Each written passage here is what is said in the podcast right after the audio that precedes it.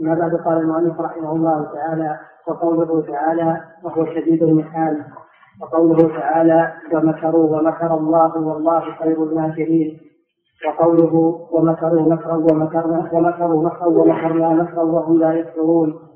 وقوله تعالى إنهم يكيدون كيدا وأكيد كيدا وقوله إن تبدوا خيرا أو تخفوه أو تعفوا عن سوء فإن الله كان عفوا قديرا. وقوله وليعفوا وليصفحوا. ألا تحبون أن يغفر الله لكم؟ والله غفور رحيم. ألا تحبون أن يغفر الله لكم؟ والله غفور رحيم. وقوله ولله العزة ولرسوله وقوله عن إبليس فبعزتك لأغوينهم أجمعين. وقوله تبارك اسم ربك ذي الجلال والإكرام. بسم الله الرحمن الرحيم. قال الشيخ رحمه الله تعالى وقوله تعالى هو شديد المحال وقوله تعالى ومكر الله والله خير الماكرين. وقوله تعالى ومكر ومكر ومكرنا ومكر وهم لا يشكرون وقوله تعالى انه يكيد واكيد كيدا وقوله تعالى إن تبدوا خيرا أن تخفوها وتعفوا سوء فإن الله كان عفوا قديرا. وقوله تعالى وليعفوا وليصفحوا الا تحبون ان يغفر الله لكم والله غفور رحيم وقوله تعالى ولله العزة ولرسوله وللمؤمنين وقوله عن العزة فلعزتك لأغوينهم أجمعين.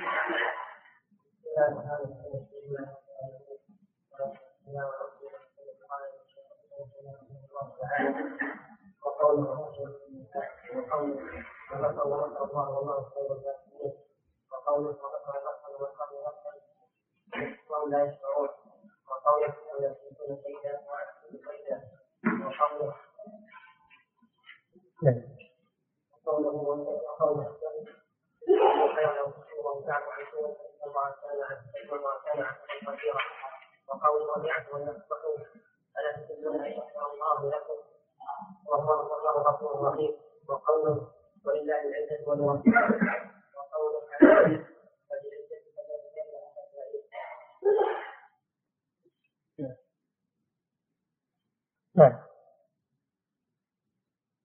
بسم الله الرحمن الرحيم. الحمد لله رب العالمين. صلى الله وسلم على نبينا محمد وعلى آله وصحبه أجمعين. يستمر الشيخ رحمه الله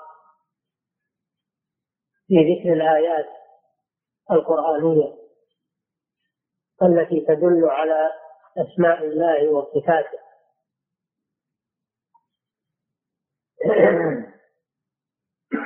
من أجل إثباتها كما جاءت في كتاب الله لأنه لا أحد أعلم بالله سبحانه وتعالى من الله. وقد سمى نفسه ووصف نفسه سمى نفسه بأسماء ووصف نفسه بصفات. فيجب إثباتها كما جاءت لله عز وجل. ومن ذلك قوله تعالى وهو شديد اللحان ومكروا ومكر الله. والله خير الماكرين. وقوله سبحانه وتعالى ومكروا مكرا ومكرنا مكرا وهم لا يشكرون. قوله سبحانه وتعالى إنهم يكيدون كيدا وأكيد كيدا في هذه الآيات وصف الله نفسه وسمى نفسه بأنه شديد اللحام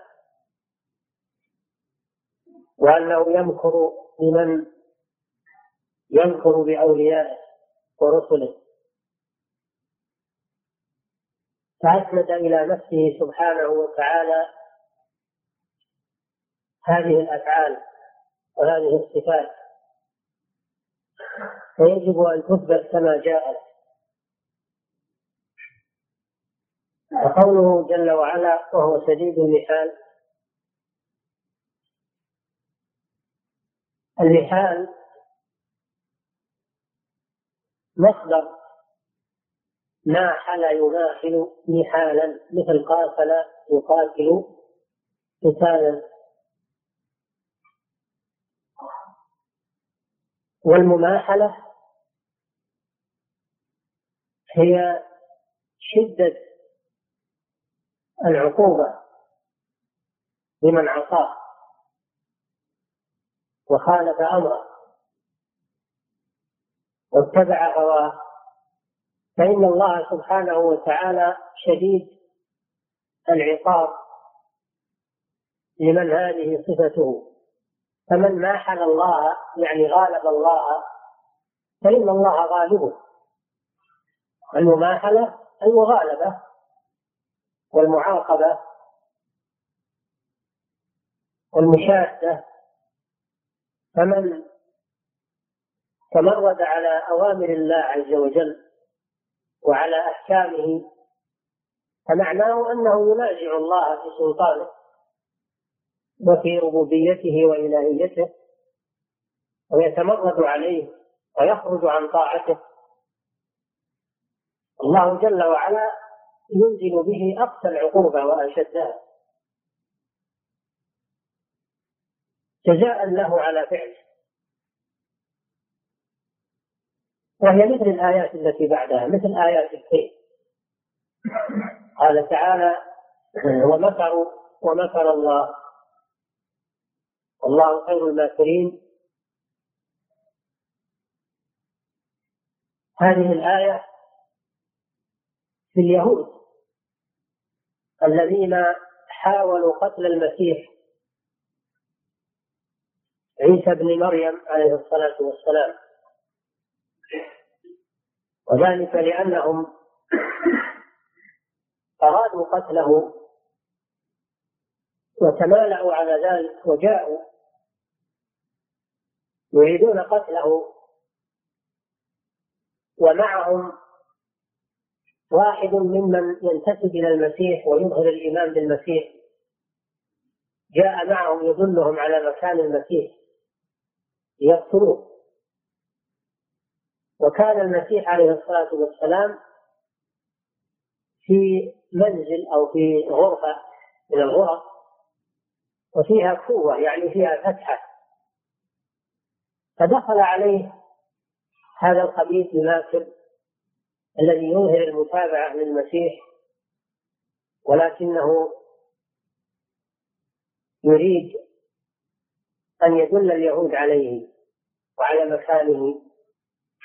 فدخل على المسيح وهم وراءه يحملون الكيد والحقد والانتقام. فلما دخل المكان لم يجد المسيح فيه. رفعه الله عز وجل نزل جبريل نزل جبريل بأمر الله ورفع المسيح إلى الله عز وجل من هذا المكان. ومن ذكر الله بهذا الخبيث أن الله ألقى شبع المسيح عليه. فخرج إليهم وقال لهم لم أجده. قالوا أنت هو لأن الشبه عليه شبه المسيح. فقتلوه. قتلوه وصلبوه يظنون أنه المسيح. هذا هو مكر الله سبحانه وتعالى. أنه يوصل العقوبة إلى من يستحقها من حيث لا يشعر. المكر المكر فعل شيء وإرادة ضده هذا هو المكر فعل شيء وإرادة ضده. فهذا الرجل لما مكر ومكر معه اليهود بالمسيح عليه السلام وأرادوا قتله رسول الله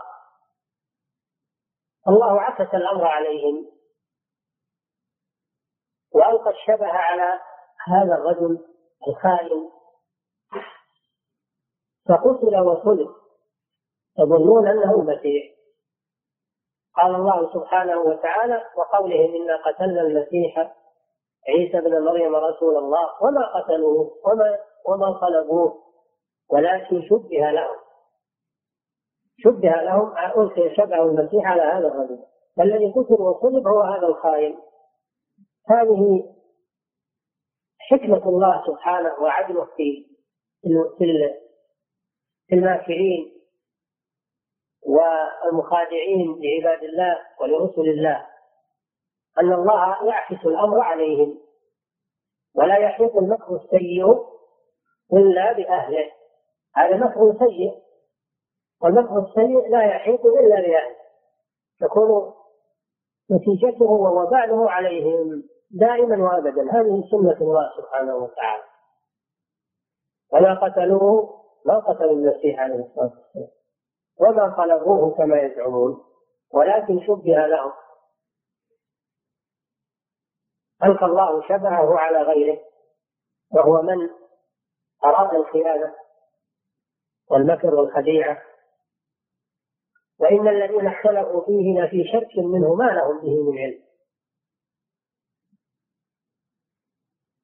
هم أيضا ما تيقنوا. قتلوا هذا الرجل وهم ما تيقنوا لأن لأن العدد الذي جاء نقص واحدا. وما يدرون هذا الذي قتل. هل هو صاحبهم من المسيح؟ وإن الذين اختلفوا فيه لفي شك منه ما لهم به من علم إلا اتباع الظن. فهم قتلوا هذا الرجل على أنه عليه شبه المسيح. لكن العدد نقص. الذي عددهم الذي جاءوا به نقص. ولا يدرون إن ذهب إلى الرجل. هل هم قتلوا المسيح ولا قتلوا صاحبهم؟ ما يدرون. ففي شك منهم ما لهم به من علم إلا اتباع الظن وما قتلوه يقينا. بل رفعه الله إليه. وكان الله عزيزا حكيما. رفع الله عبده ورسوله المسيح عليه الصلاة والسلام رفعه إليه. ونجاه منهم ومن شرهم. إذ قال الله يا عيسى إني متوفيك ورافعك إلي مطهرك من الذين كفروا وجاعل الذين اتبعوك فوق الذين كفروا إلى يوم القيامة. صدق الله وعده ورفع عبده ورسوله إليه وأكرمه وأعزه وألقى الذل والهوان على الخونة والماكرين. وفضحهم الله سبحانه وتعالى. ولا يزال اليهود إلى الآن في شك من قتل المسيح وصلبه. ولكن النصارى لغباوتهم يعتقدون أنهم قتلوا المسيح. ولذلك جعلوا له صورة صورة الصليب.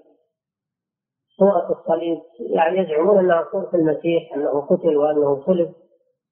وصاروا يعبدون هذا الصليب الذي يزعمون أنه صورة المسيح وهو مصلوب. قال الإمام ابن القيم هذا من غباوتهم إذ كان الواجب أن يحطموا كل صليب على وجه الأرض لأنه ينبئ عن ذلتهم وهزيمتهم كيف يقتل نبيهم؟ كيف يقتله أعداؤهم؟ ومع ذلك يجعلون هذا الرمز هذا معناه إثبات أنهم قتلوا المسيح. ففيه ذلة لهم ولكن لغباوتهم وانتكاسهم صاروا يظهرون ما فيه ذلتهم ومهانتهم. وصورة أن رسولهم قتل وأنه صلب وكان الواجب عكس ذلك أنهم يحطمون هذا الصليب ويعدمونه لأنه شعار لذلتهم ومهانتهم وتغلب أعدائهم عليهم. وكما سمعتم من ابن أن أن النصارى برأوا اليهود من قتل المسيح. ابن سليم عقدوا مؤتمرا ومحفلا وبرأوا اليهود من قتل المسيح. وقد برأه الله سبحانه وتعالى من ذلك. القرآن برأه منذ أربع عشرة قرن. برأ المسيح وكذب اليهود في هذا. هذا جاء به القرآن الكريم ونفى قتل المسيح عليه الصلاة والسلام. ولكن هؤلاء لغباوتهم وفرط جهلهم لا يأنفون من الذلة والهوان والصغار وصاروا يعبدون يعبدون شعارا فيه ذلتهم ومهانتهم والعياذ بالله. في حين أن عبادة غير الله باطلة لكن مع هذا مع هذا؟ كيف يعترفون لليهود بإدراك مطلوبهم وانتصارهم؟ كيف يقتلون نبيهم ورسولهم ويجعلون لذلك صورة وشعارا يتداولونه ويعبدونه؟ هذا من غباوتهم وذلتهم وجهلهم قبحهم الله. الشاهد من الآية قوله ومكروا ومكر الله. مكروا الضمير يرجع إلى من؟ يرجع إلى اليهود. يرجع فلما أحس عيسى منهم الكفر يعني من اليهود. فلما أحس عيسى منهم الكفر قال من أنصاري إلى الله؟ قال الحواريون نحن أنصار الله. الحواريون أتباع المسيح عليه الصلاة والسلام. أتباعه وأنصاره. الذين آمنوا به. قال الحواريون نحن أنصار الله. آمنا بالله واشهد بأننا مسلمون. واشهد بأننا واشهد بأننا مسلمون. ربنا آمنا بما أنزلت واتبعنا الرسول فاكتبنا مع الشاهدين. انتهت مقالة الحواريين. ثم قال جل وعلا رجوعا إلى أعداء المسيح وهم اليهود ومكروا عن اليهود. ومكر الله. مكروا حيث أرادوا قتل المسيح ومكر الله حيث إن الله أنجاه منهم وهم لا يشعرون. وألقى شبهه على واحد من القوم فقتلوه.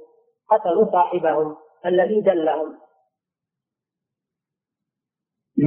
هذا مكر الله سبحانه وتعالى. وهو مكر محمود لأن المكر على قسمين. المكر أولا هو إيصال العقوبة وإيصال الشر بطريق خفي هو إيصال الشر إلى الغير بطريق خفي لا يرى وهو على قسمين محمود ومذموم. فالمحمود هو إذا كان إيصال الشر والعقوبة بمن يستحقها فهذا محمود لأنه جزاء وعدل جزاء وعدل وهذا هو المنسوب إلى الله سبحانه وتعالى. وأما المذموم فهو إيصال الشر والعقوبة إلى من لا يستحقها لأن هذا ظلم وجور. فمكر اليهود مذموم لأنهم أرادوا به نبي الله سبحانه وتعالى الذي يستحق الإكرام ويستحق المتابعة والنصرة. فمكرهم مذموم. ومكر الله مكر الله محمود. لأنه إيصال للعقوبة بطريق خفي إلى من يستحقها وهو عدل منه سبحانه وتعالى. فالمكر المسند إلى الله مكر محمود لأنه إيصال العقوبة وإيقاعها لمن يستحقها بطريق خفي لا يرى ولا يشعر به.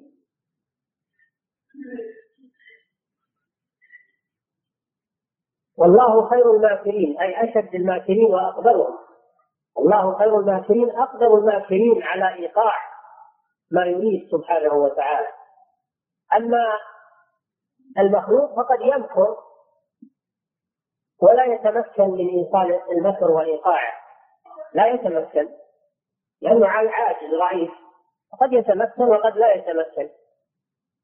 أما الله جل وعلا فإنه لا يعجزه شيء. إذا أراد أن يمكر بأحد فإنه لا يعجزه شيء سبحانه وتعالى.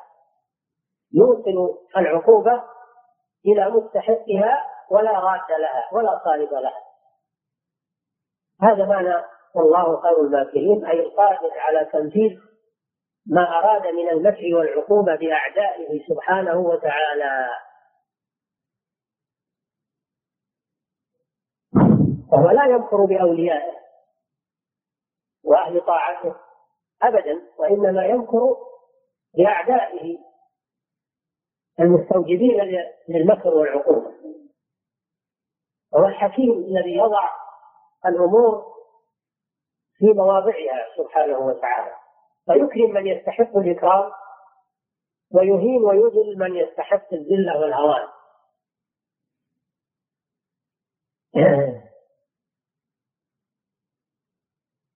ثم قال سبحانه وتعالى ومكروا مكرا ومكرنا مكرا وهم لا يشعرون. هذا في قصة قوم صالح. نبي الله إلى ثمود القبيلة العافية التي أعطاها الله من النعم ومن الخيرات في بلادها وأعطاها من القوة في أبدانها ينحتون الجبال بيوتا ينحتون الجبل يجعلونه غرف ومساكن من شدة قوتهم ومهارتهم ويزرعون الأرض تتخذون من سهولها قصورا وتنحتون الجبال بيوتا يبنون قصور في السهول وينحتون من الجبال البيوت ويزرعون في الأرض عندهم زراعة قوية في بلاد ثمود ديار الحجر. أتتركون فيما ها هنا آمنين في جنات وعيون وزروع ونخل طلعها عظيم تنحتون من الجبال بيوتا فائهين يعني متوسعين فيها. ولما جاءهم نبي الله وكانوا مع هذا يعبدون الأصنام ويشركون بالله عز وجل فأرسل الله إليهم نبيه ورسوله صالحا عليه الصلاة والسلام فدعاهم إلى الله. وأمرهم بتوحيد الله فتمردوا وعصوا. وفي النهاية تآمروا على قتله. ولقد أرسلنا إلى ثمود أخاهم صالحا فإذا هم فريقان يختصمون. يعني منهم أهل إيمان آمنوا بنبي الله ومنهم أهل كفر. فإذا هم فريقان يختصمون. قال يا قوم لم تستعجلون بالسيئة قبل الحسنة؟ لولا تستغفرون الله لعلكم ترحمون. قالوا إنا تطيرنا بك وبمن معك. تطيروا بنبي الله وقالوا أنت ما جئتنا إلا الشر من يوم رأيناك وهؤلاء المؤمنين الذين معك أصابنا الشر والشدة والقحط وتطيروا بنبي الله. قال طائركم عند الله. أي أن ما يصيبكم ليس من عندي وإنما هو من عند الله بسبب ذنوبكم. بسبب ذنوبكم. ما يصيبكم وما يقع بكم من العقوبات ليس بسبب النبي والمؤمنين بل النبي والمؤمنون يسببون الخير والبركة. والرفعة ولكن هذا الذي أصابكم هذا سببه أنتم بذنوبكم والله قدره عليكم بسبب ذنوبكم. طائركم عند الله. بل أنتم قوم تفتنون. وكان في المدينة تسعة أشخاص من أهل الكفر والعناد. وكان في المدينة تسعة رهط يفسدون في الأرض ولا يصلحون. قالوا تقاسموا بالله لنبيتنه وأهله. فآمروا وحلفوا على أن يهجموا عليه في الليل ويبيدوه هو وأهل بيته. قالوا تقاسموا بالله لنبيتنه وأهله ثم لنقولن لوليه ما شهدنا مهلكه نشهد إلى جوف أولياؤه وعصبته يريدون الانتقام قلنا ما شهدنا مهلك أهله يشهدون القتل هذا الذي دبروا وإنا لصادقون. عاد يحلفون إنهم صادقون. يقولون نجحد ونحلف إننا ما ما شهدنا هذه الواقعة وهذه هذه الجريمة أبدا ولا نعرفها. ويظنون أنهم يخفون على الله سبحانه وتعالى. يظنون أن هذا المكر يروج على الله سبحانه وتعالى. هذا إرواج على الناس. فإنه لا يروج على الله سبحانه وتعالى. قال تعالى ومكروا مكرا دبروا حيلتهم وتخطيطهم ومكرنا مكرا أخفى الله سبحانه وتعالى عقوبتهم وما سيحله بهم فلم يعلموا به وهم لا يشعرون لا يشعرون بمكر الله سبحانه وتعالى. لم يدروا أن الله بيت لهم العقوبة وأنها ستحل بهم. في الوقت الذي يريدون أن ينفذوا فيه جريمتهم في نبيه ورسوله صالح عليه الصلاة والسلام. ومكروا مكرا ومكرنا مكرا وهم لا يشعرون. فانظر كيف كان عاقبة مكرهم أنا دمرناهم وقومهم أجمعين. فتلك بيوتهم بيوتهم إلى الآن. اللي شافها منكم ولا يشوفها؟ إلى الآن موجود. وتلك بيوتهم خاوية بما ظلموا. إن في ذلك لآية لقوم يعلمون ونجينا الذين آمنوا وكانوا يتقون. هذا مكر الله سبحانه وتعالى. الله سبحانه وتعالى جعل مكرهم عليهم. أرسل نبي أرسل رسوله جبريل عليه الصلاة والسلام فصاح بهم صيحة واحدة قطعت قلوبهم في أجوافهم. وماتوا جميعا. إنا أرسلنا عليهم صيحة واحدة فكانوا كهشيم المحتضر. كهشيم المحتضر الحطب. الحطب اليابس الذي يجمعه أصحاب الحظاير لمواشيهم يتكسر ويتفرق في الأرض. هذا مثل قبيلة ثمود لما هلكت صارت هشيما متشتتا في الأرض. كهشيم المحتضر نسأل الله العافية. شاهد من الآية ومكروا مكرا ومكرنا مكرا. هم مكروا بنبي الله صالح وأرادوا اغتياله بالليل خفية. أرادوا إيصال العقوبة له خفية في جنح الضلال لا يدري أحد. ثم يتبعون ذلك بالإنكار والتكذيب. والله جل وعلا مكر مكرا وهو أنه أراد بهم العقوبة في الوقت المناسب وهم لا يشعرون حتى نزلت بهم العقوبة. ما دروا إلا بالصيحة. صاعقة والعياذ بالله صاعقة من السماء صوت جبريل عليه الصلاة والسلام صاح بهم صيحة واحدة فتقطعت قلوبهم بأجوافهم جميعا. ولم يبق منهم أحد. كانوا كهشيم المحتضر. صيحة واحدة فرقة واحدة هذا بأس الله سبحانه وتعالى. هذا هو مكر الله سبحانه وتعالى. أنزله بهم من حيث لا يشعرون. ما دروا من هناك تدبير إلهي في الوقت الذي يريدون به إيقاع العقوبة بنبي الله. ما دروا عن هذا. الله سبحانه وتعالى أنزل بهم هذه العقوبة. الشاهد من الآية فيها أن فيها إثبات المكر لله سبحانه وتعالى لمن يمكر برسله وأوليائه وأن الله ينتقم ممن أراد أن يؤذي رسله ويؤذي أولياء المؤمنين. فإن الله جل وعلا ينصر عباده المؤمنين وينتقم من أعدائهم دائما وأبدا. هذه سنة الله سبحانه وتعالى. ففيها إثبات المكر لله عز وجل. لكن ليس مكرا مطلقا وإنما هو مكر لمن يستحق المكر. لمن يستحق هو المكر المحمود. المكر الذي هو جزاء وعدل منه سبحانه وتعالى. ثم قال سبحانه في حق كفار قريش مع نبينا محمد صلى الله عليه وسلم. يكفر بك الذين كفروا يثبتوك أو يقتلوك أو يخرجوك ويمكرون. ويمكر الله والله خير الماكرين. اجتمعوا يريدون قتل الرسول صلى الله عليه وسلم. عند بابه والنبي صلى الله عليه وسلم في البيت.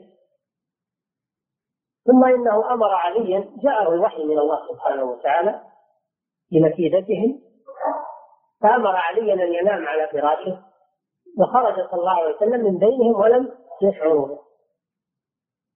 خرج الرسول صلى الله عليه وسلم من بينهم ولم يشعروا به وحث التراب على رؤوسهم.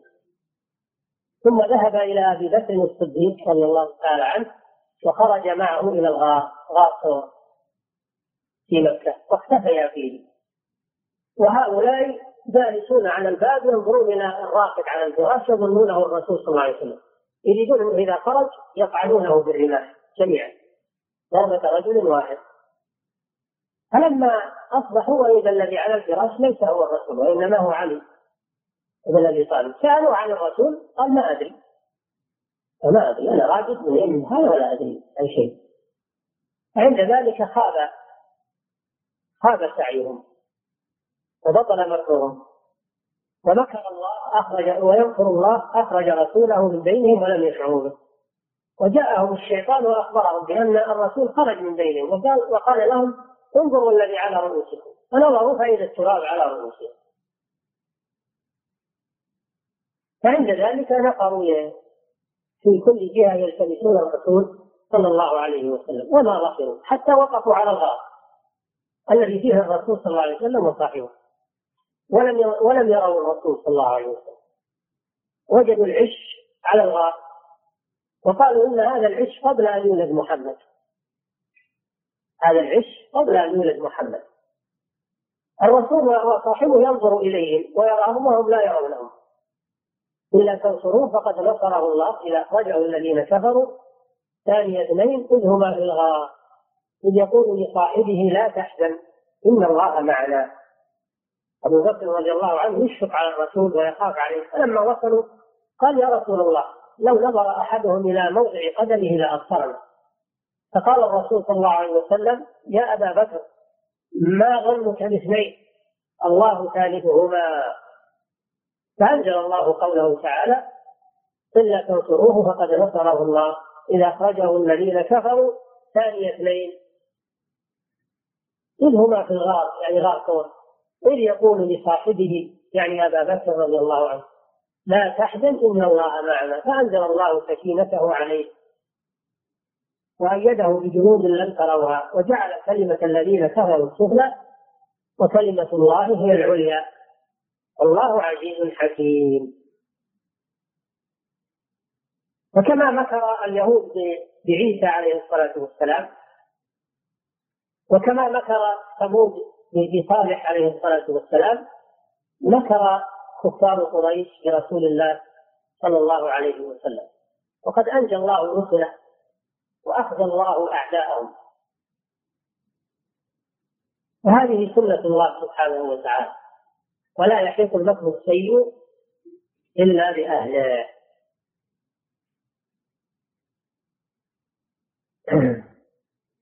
ثم قال إنهم يكيدون كيدا وأكيد كيدا فمهل الكافرين أمهلهم رويدا إنهم أي كفار قريش. يكيدون بمحمد صلى الله عليه وسلم كيدا. والكيد هنا منكر لأنه كيد عظيم وكثير. كيد كثير وعظيم يعملونه. يريدون القضاء على رسول الله صلى الله عليه وسلم. وعلى دعوته. يدبرون الحيل يخططون المخططات الكثيرة للقضاء على هذه الدعوة وعلى هذا الرسول صلى الله عليه وسلم. وهم جمع كثير والرسول صلى الله عليه وسلم فرد واحد. ومع هذا قال الله رسوله من كيدهم وأعزه ونصره. إنهم يكيدون كيدا أي كفار قريش. وأكيد كيدا. أسند إلى نفسه سبحانه وتعالى أنه يقابل يقابل كيدهم بكيد أعظم. من باب المقابلة. من باب الجزاء العادل. ففيه إسناد الكيد إلى الله عز وجل بمن يكيد. بمن يكيد لدينه ولأوليائه. أن الله يكيد له بمعنى أن الله يوصل إليه العقوبة من حيث لا يشعر ومن حيث لا يدري. هذه سنة الله جل وعلا المضطردة في خلقه دائما وأبدا. ففي ففي الآية إسناد الكيد إلى الله بمن يكيد لدينه ولرسله وأوليائه أن الله يكيد لهم ويوصل إليهم العقوبة من حيث لا يشعرون.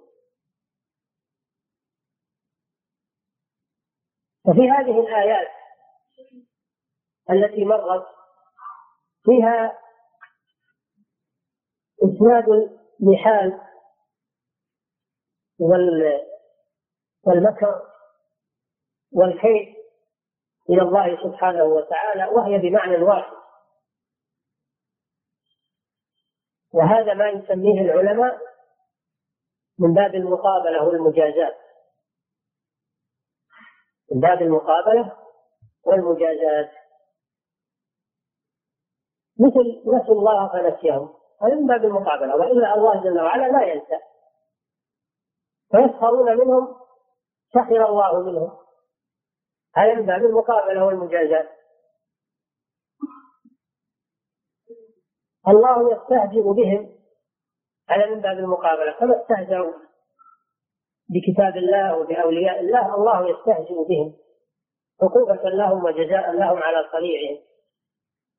فهذه الأفعال كلها تسند إلى الله عز وجل لأنها من باب المدح. لأنه لا يوقعها إلا بمن يستحقه وهو عدل منه سبحانه وتعالى.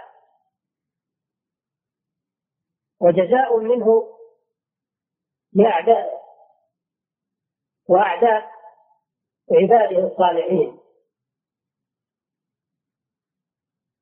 وكما ذكر العلماء أن الكيد والمكر والإستهزاء والنسيان وغير ذلك مما أضيف إلى الله أنه من باب المدح لأن هذه الأفعال تنقسم إلى قسمين منها ما هو مدح وهو المضاف إلى الله سبحانه وتعالى ومنها ما هو مذموم وهذا لا يضاف إلى الله سبحانه وتعالى المكر السيء والكيد السيء وكل هذه الأفعال إذا كانت بغير حق فإنها مذمومة.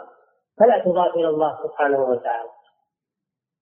قالوا ولا يؤخذ من هذه الأفعال اسما لله فلا يقال الكائد والماكر والمماحل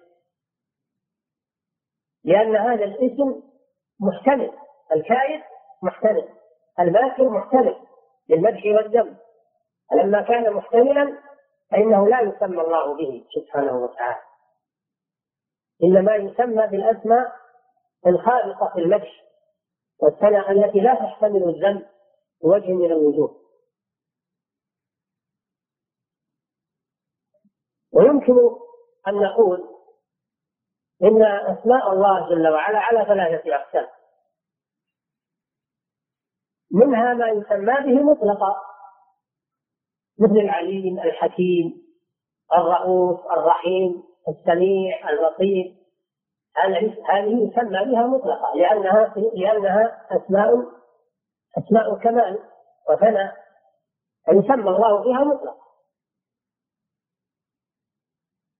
ومنها ما يسمى بها مقيدة. ما يسمى بها مقيدة مثل فعال لما يريد. فعال لما يريد ما تقول فعال فقط؟ لأن فعال يحتمل المدح والذم. لكن إذا قلت فعال لما يريد كما قال الله جل وعلا هذا قيد يخرج الذم يخرج الذم عنها ويخلصها للمدح فعال لما يريد.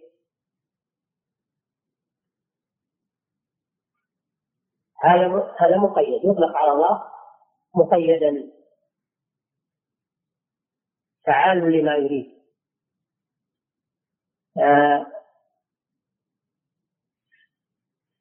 الثالث ما يسمى به سبحانه من باب من باب من باب التقابل من باب التقابل. وهي الأسماء المتقابلة. مثل النافع الضار. النافع الضار. القابض الباسط. الأول والآخر. والظاهر والباطن. هذه الأسماء المتقابلة. لا لا يسمى بواحد منها فقط وإنما يؤتى بها متقابلة تقول الظاهر والباطن. الأول والآخر. ما تقول الأول فقط أو الآخر فقط أو الظاهر فقط أو الباطن فقط. بل تأتي بها كما جاءت في القرآن. الأول والآخر والظاهر والباطن الضار النافع القابض الباسط المحيي المميت. تقرن بعضها ببعض. هذا بالنسبة للأسماء على ثلاثة أقسام. ما يسمى الله به مطلقا. ما يسمى الله به مقيدا. ما يسمى الله به مقرونا مع غيره من الأسماء المقابلة له. أما أفعال الله سبحانه وتعالى فهي على قسمين.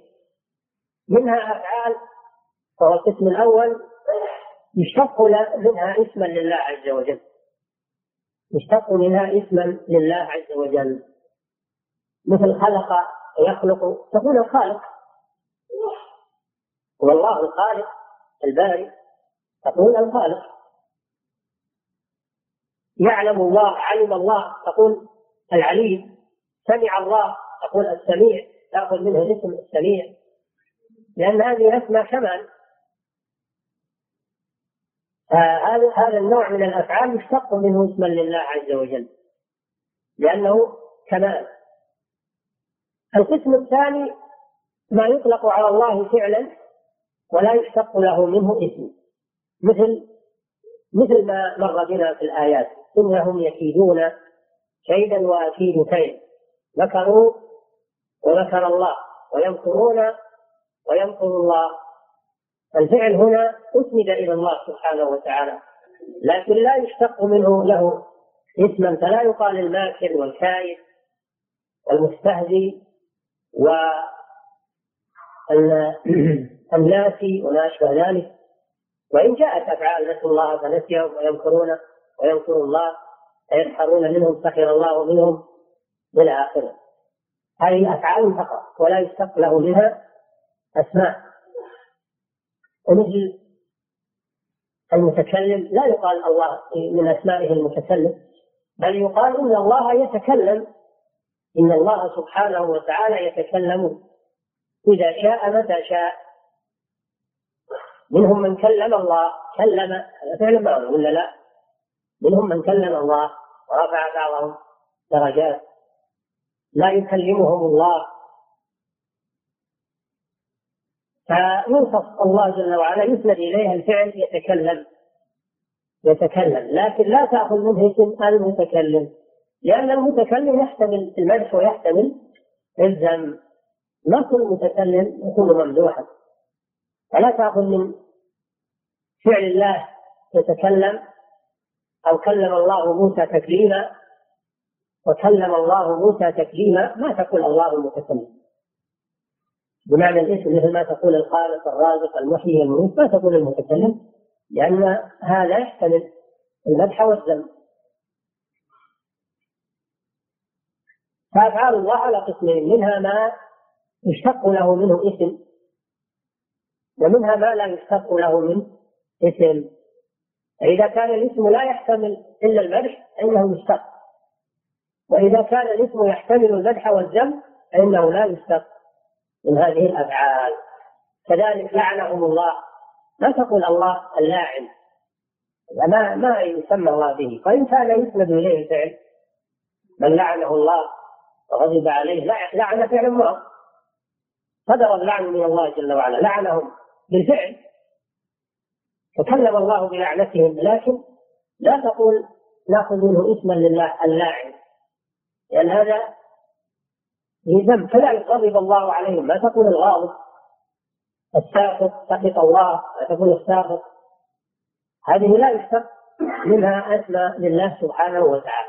وإن جاءت أفعالا له سبحانه وتعالى فتنبهوا لذلك. وهذا يفيدكم كثيرا في هذا الباب. نعم. نعم. الله كان كان عفوا قديرا. أخبر الله سبحانه وتعالى بأنه عالم بكل شيء. إن تبدوا خيرا أي خير كان من من الأعمال؟ من قول أو فعل؟ من من قول خير قولي أو خير فعلي؟ كالأمر بالمعروف والنهي عن المنكر والتسبيح والتهليل والتكبير هذا خير قولي. فإذا ذكرت الله سبحانه وتعالى فهذا قول خير. سواء رفعت به صوتك أو أخفيته بينك وبين نفسك فإن الله يعلم. وفي حديث من ذكرني في نفسه ذكرته في نفسي ومن ذكرني في ملأ ذكرته في ملأ خير منهم. يعني الملائكة. وكذلك الخير الفعلي. الخير الفعلي مثل الإصلاح بين الناس مساعدة المحتاجين الصلاة النافلة والفريضة هذا خير فعلي. سواء أظهرته ورآه الناس أو أخفيته ولم يعلم به أحد من الناس فإن الله يعلمه سبحانه وتعالى. ونذكر الخير إن تبدوا خيرا نعم نعم كل خير. إن تبدوا خيرا أي أي خير كان.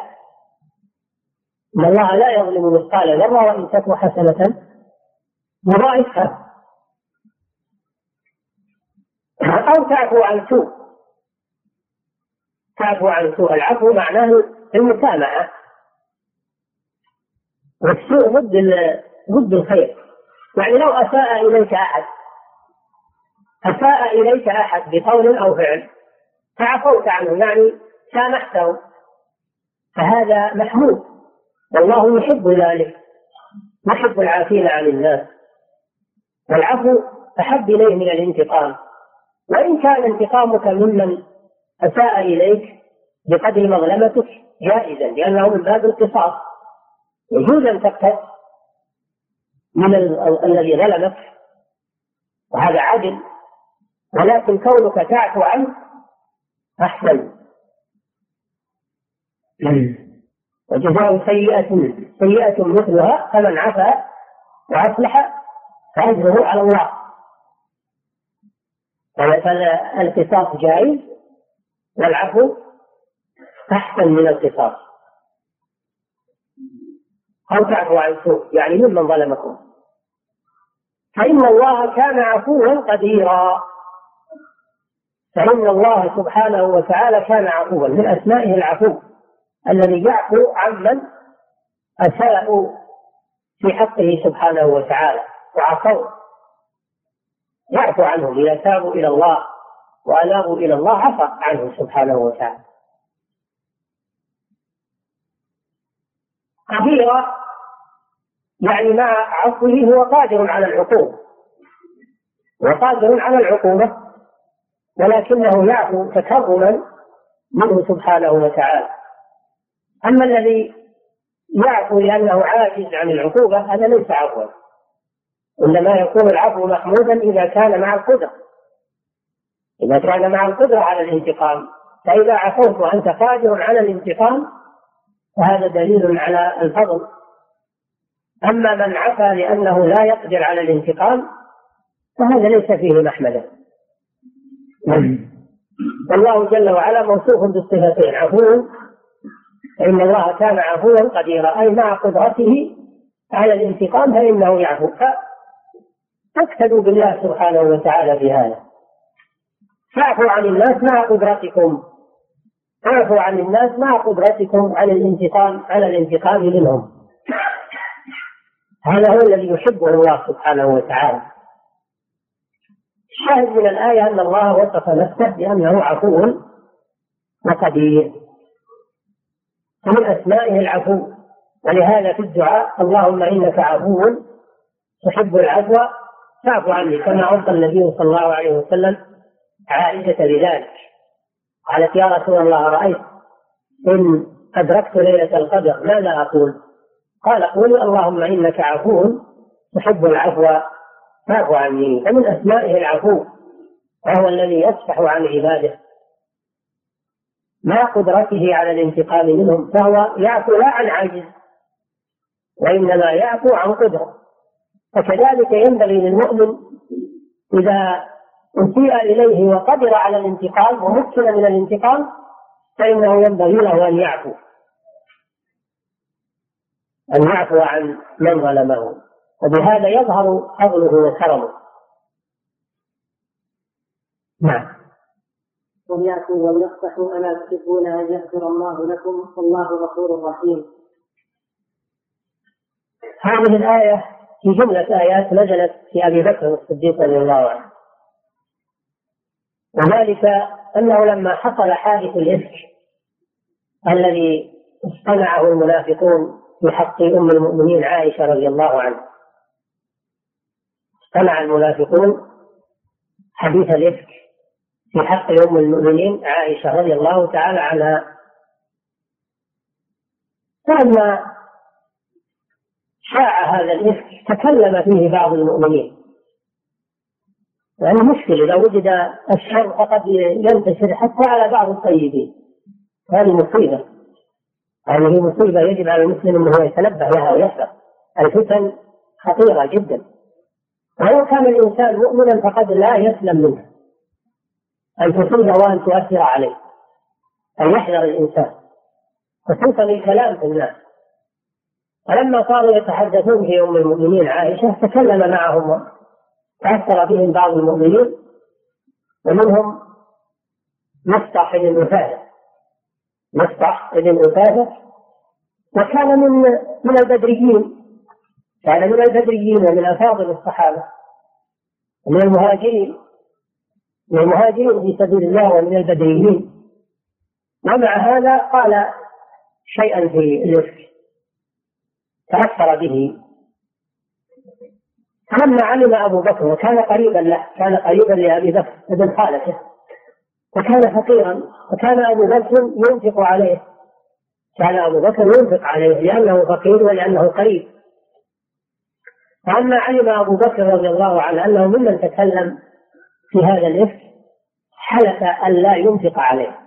يعني غضب أبو بكر رضي الله عنه وحلف أن لا ينفق عليه أن يقطع عنه النفقة. فأنزل الله سبحانه وتعالى ولا يأتل أولو الفضل منكم والسعة أن يؤتوا أولي القربى والمساكين والمهاجرين في سبيل الله وليعفوا وليصفحوا. ألا تحبون أن يغفر الله لكم؟ والله غفور رحيم. ولا يأتل يعني لا يحلف لأن أبا بكر حلف. أولي الفضل منكم والسعة يعني الغنى فهذا فيه إثبات أن أبا بكر رضي الله عنه من أهل الفضل. الله وصفه بأنه من أهل الفضل. ففيه ثناء على أبي بكر رضي الله عنه من الله سبحانه وتعالى. ولا يأتي أولو الفضل هذه صفة من الله لأبي بكر. وجائزة من الله لأبي بكر رضي الله عنه. والسعة يعني الغنى. أن يؤتوا أن ينفقوا على أن ينفقوا على أولي القربى وهم الأقارب؟ مثل مصطح بن رفاعة بن خالة أبي بكر الصديق. والمساكين يعني الفقراء والمهاجرين في سبيل الله؟ هذا وصف لمصطح لأنه مهاجر. ثناء عليه أيضا. ثناء عليه وإن حصل منه ما حصل لكن هذا لا يبطل جهاده. ويبطل هجرته في سبيل الله. هذه بشارة لمصطح بسبب إيمانه وأعماله الصالحة. نفعه الله بها عند الشدة أن يؤتوا إلى القربى والمساكين والمهاجرين في سبيل الله. هذه صفات لمصطح ثم قال وليعفوا هذا أمر لأبي بكر. رضي الله عنه. وليعفوا وليصفحوا العفو معناه العفو معناه ستر المعصية ستر المعصية وإزالة أثرها.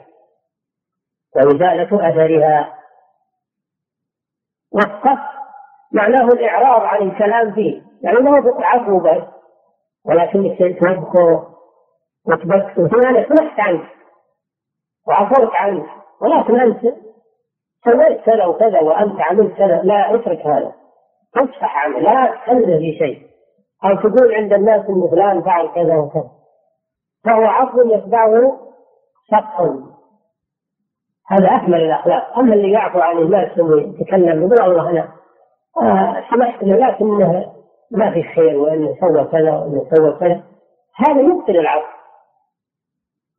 لكن إذا أتبعته بالسطح هذا دليل على الكرم والصدق في العفو أن يعفوا وليصفحوا هذا أمر من الله لأبي بكر الصديق ولغيره. إن أبا بكر هو السبب في نزول الآية. ثم قال ألا تحبون أن يغفر الله لكم؟ ألا تحبون أن يغفر الله لكم؟ هذا عرض من الله سبحانه وتعالى وتنزيل فكما تحب أن يغفر الله لك فاغفر للناس. كما تحب أن الله يغفر لك فأنت تغفر للناس إذا أساءوا إليك. لأن هذا يحبه الله سبحانه وتعالى. والله غفور رحيم. وصف نفسه وسمى نفسه لأنه غفور يغفر الذنوب رحيم بعباده سبحانه وتعالى. وصفان كريمان واثنان عظيمان لله عز وجل. يتأثر بذلك الخلق ويعمل بذلك. فيما بينهم. عند ذلك كفر أبو بكر عن يمينه وأعاد النفقة إلى مصطح وقال بلى والله إني لا أحب أن يغفر الله لي. لما سمع قوله تعالى ألا تحبون أن يغفر الله لكم؟ قال بلى والله. إني لا أحب أن يغفر الله لي فكفر عن يمينه وأعاد النفقة إلى مصطح. الشاهد من الآية أن فيها إثبات أسمى لله سبحانه وتعالى. أنه أنه غفور أنه عفو وأنه غفور وأنه رحيم سبحانه وتعالى. وهذه من أسمائه سبحانه وتعالى.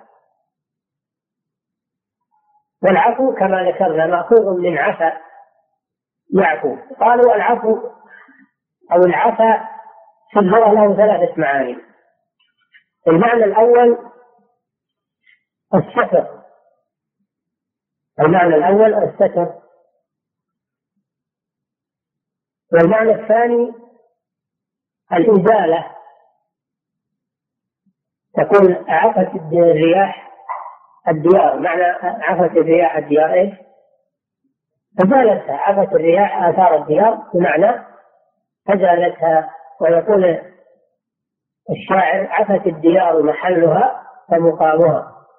عفت يعني زالت معالمها فانتمست آثارها فعفى معناه زال.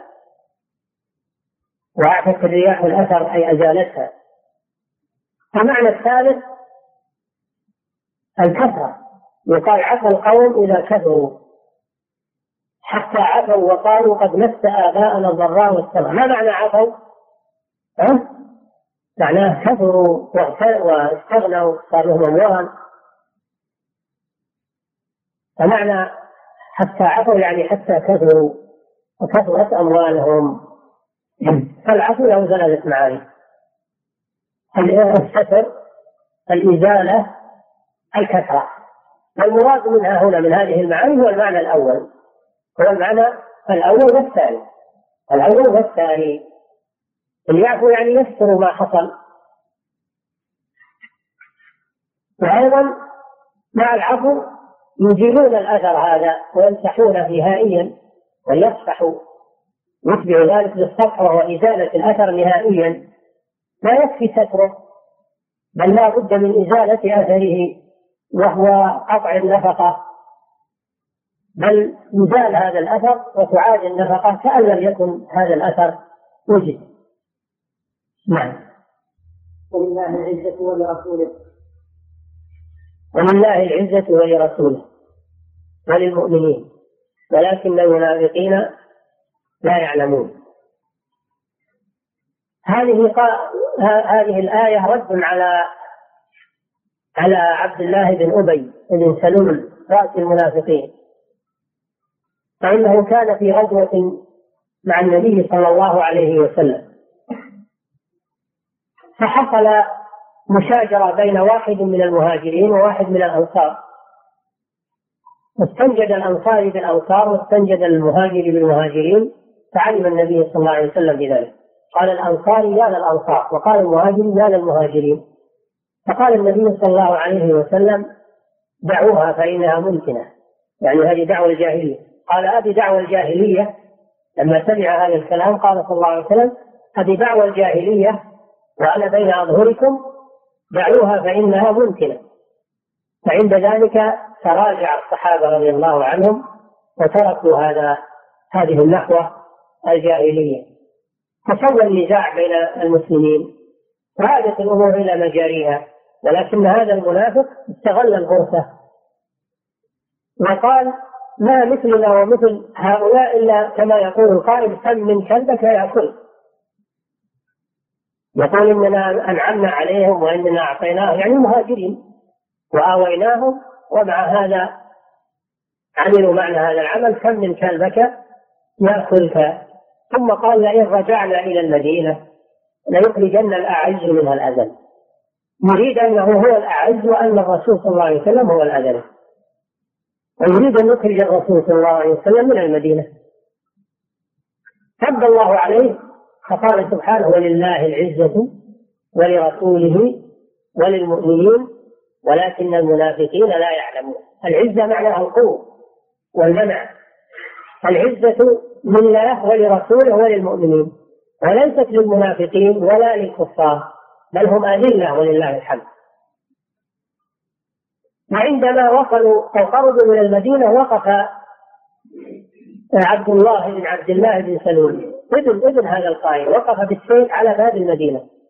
وقال لأبيه والله لا تدخلها حتى يأذن لك رسول الله صلى الله عليه وسلم. فلما بلغ الرسول صلى الله عليه وسلم ذلك قال ائذن له فدخل ذليلا صائرا. وصدق الله وعده وأعز رسوله صلى الله عليه وسلم. الشاهد من الآية قوله ولله العزة. والعزه هي القوة والغلبة. ففيها إثبات صفة العزة لله عز وجل والقوة والغلبة. وكذلك الرسول صلى الله عليه وسلم له عزة وقوة ومنعة.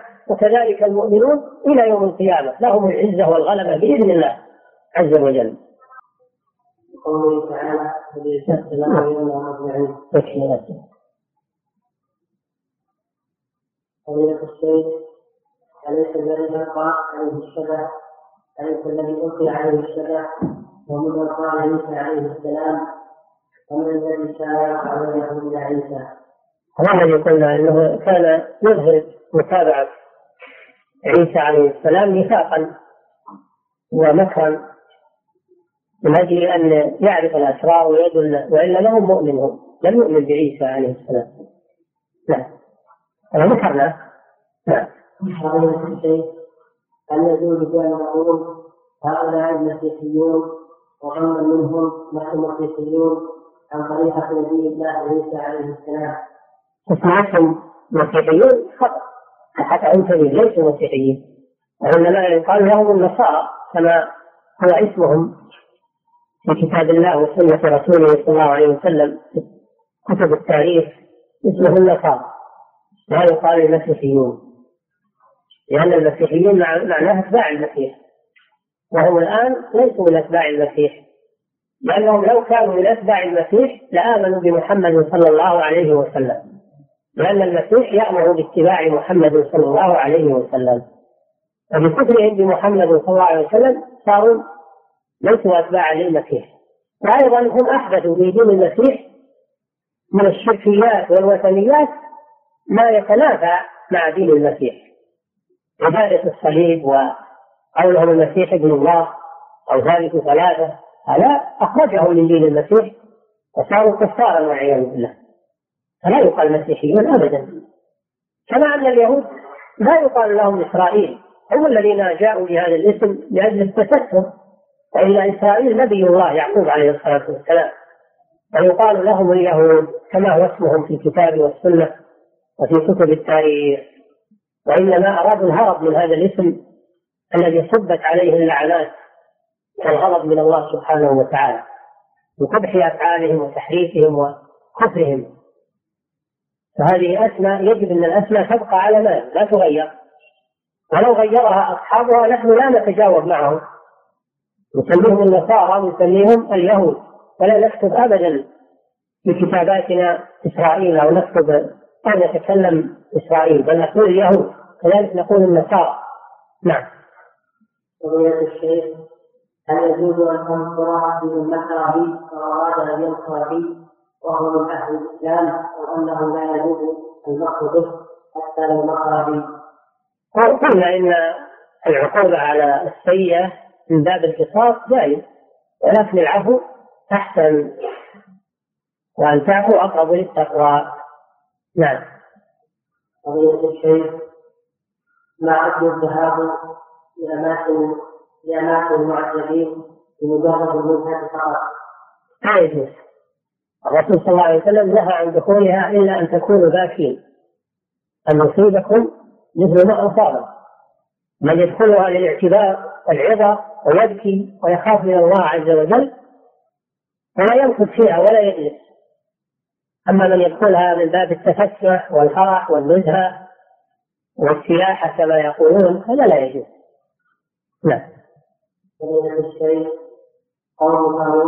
سبب إهلاكهم الناقة كما في سورة القمر فيكون بذلك إهلاك هؤلاء الذين رافقوا النبي صلى الله عليه وسلم إهلاك الخاص قبل الإهلاك العام في قول ثمود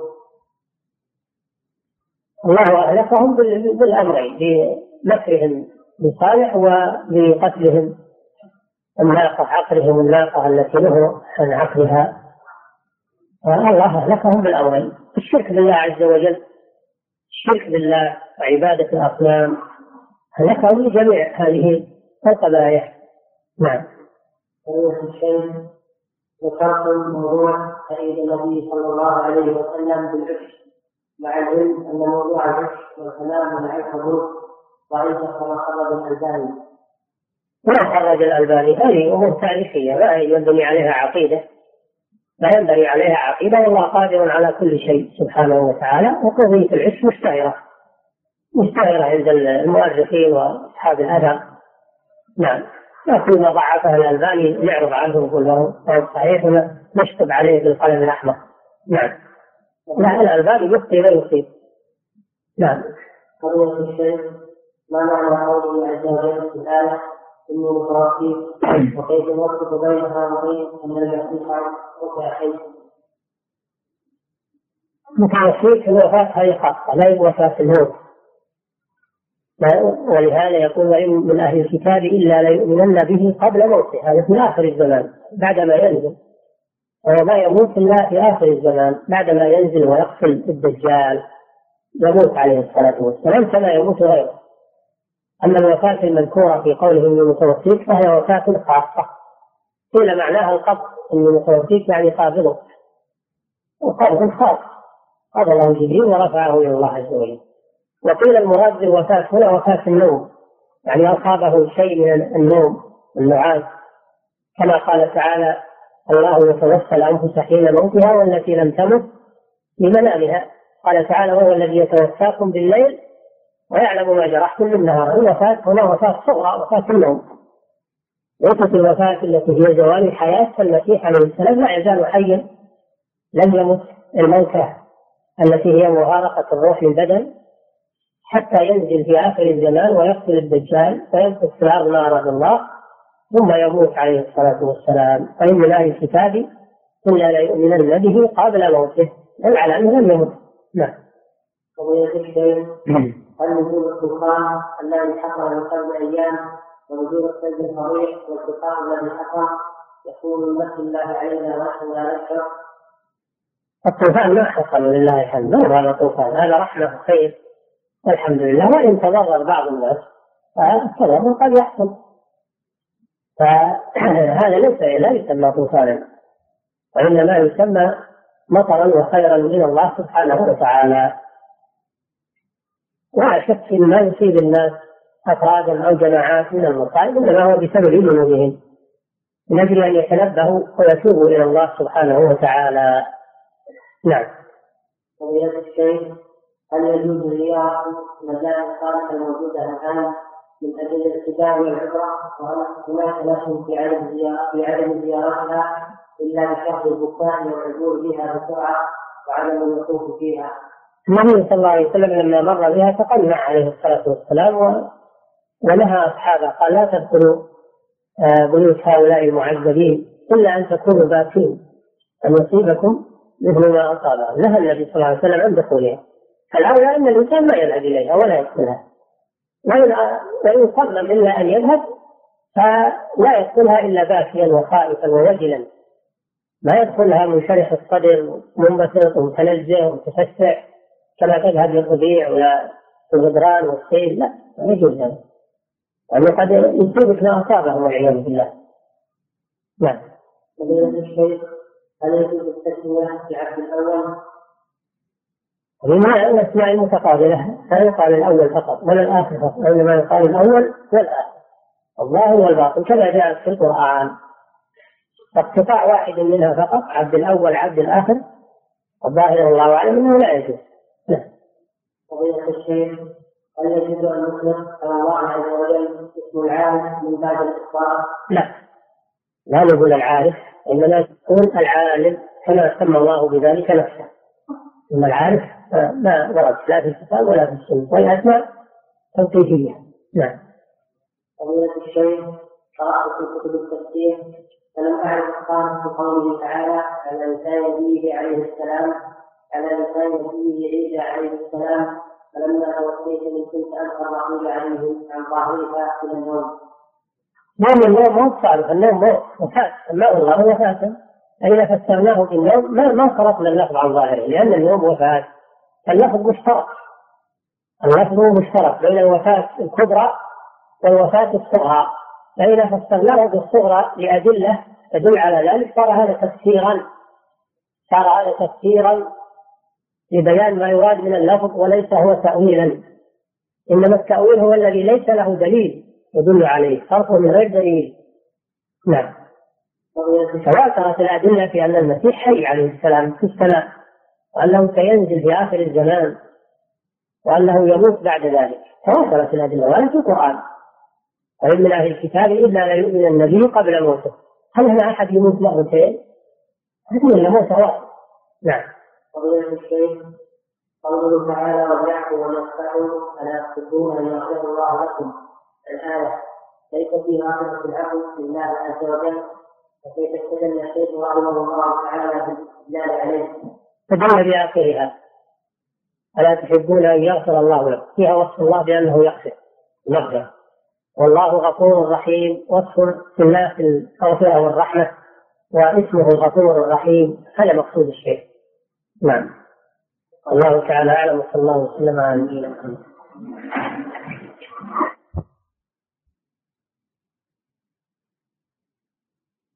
من دون الله أندادا يحبونهم كحب الله وقوله وقل الحمد لله الذي لم يتخذ ولدا ولم يكن له شريك في الملك ولم يكن له ولي من الذل وكبره تكبيرا. وقوله تعالى يسبح لله ما في السماوات وما في الأرض له الملك وله الحمد وهو على كل شيء قدير.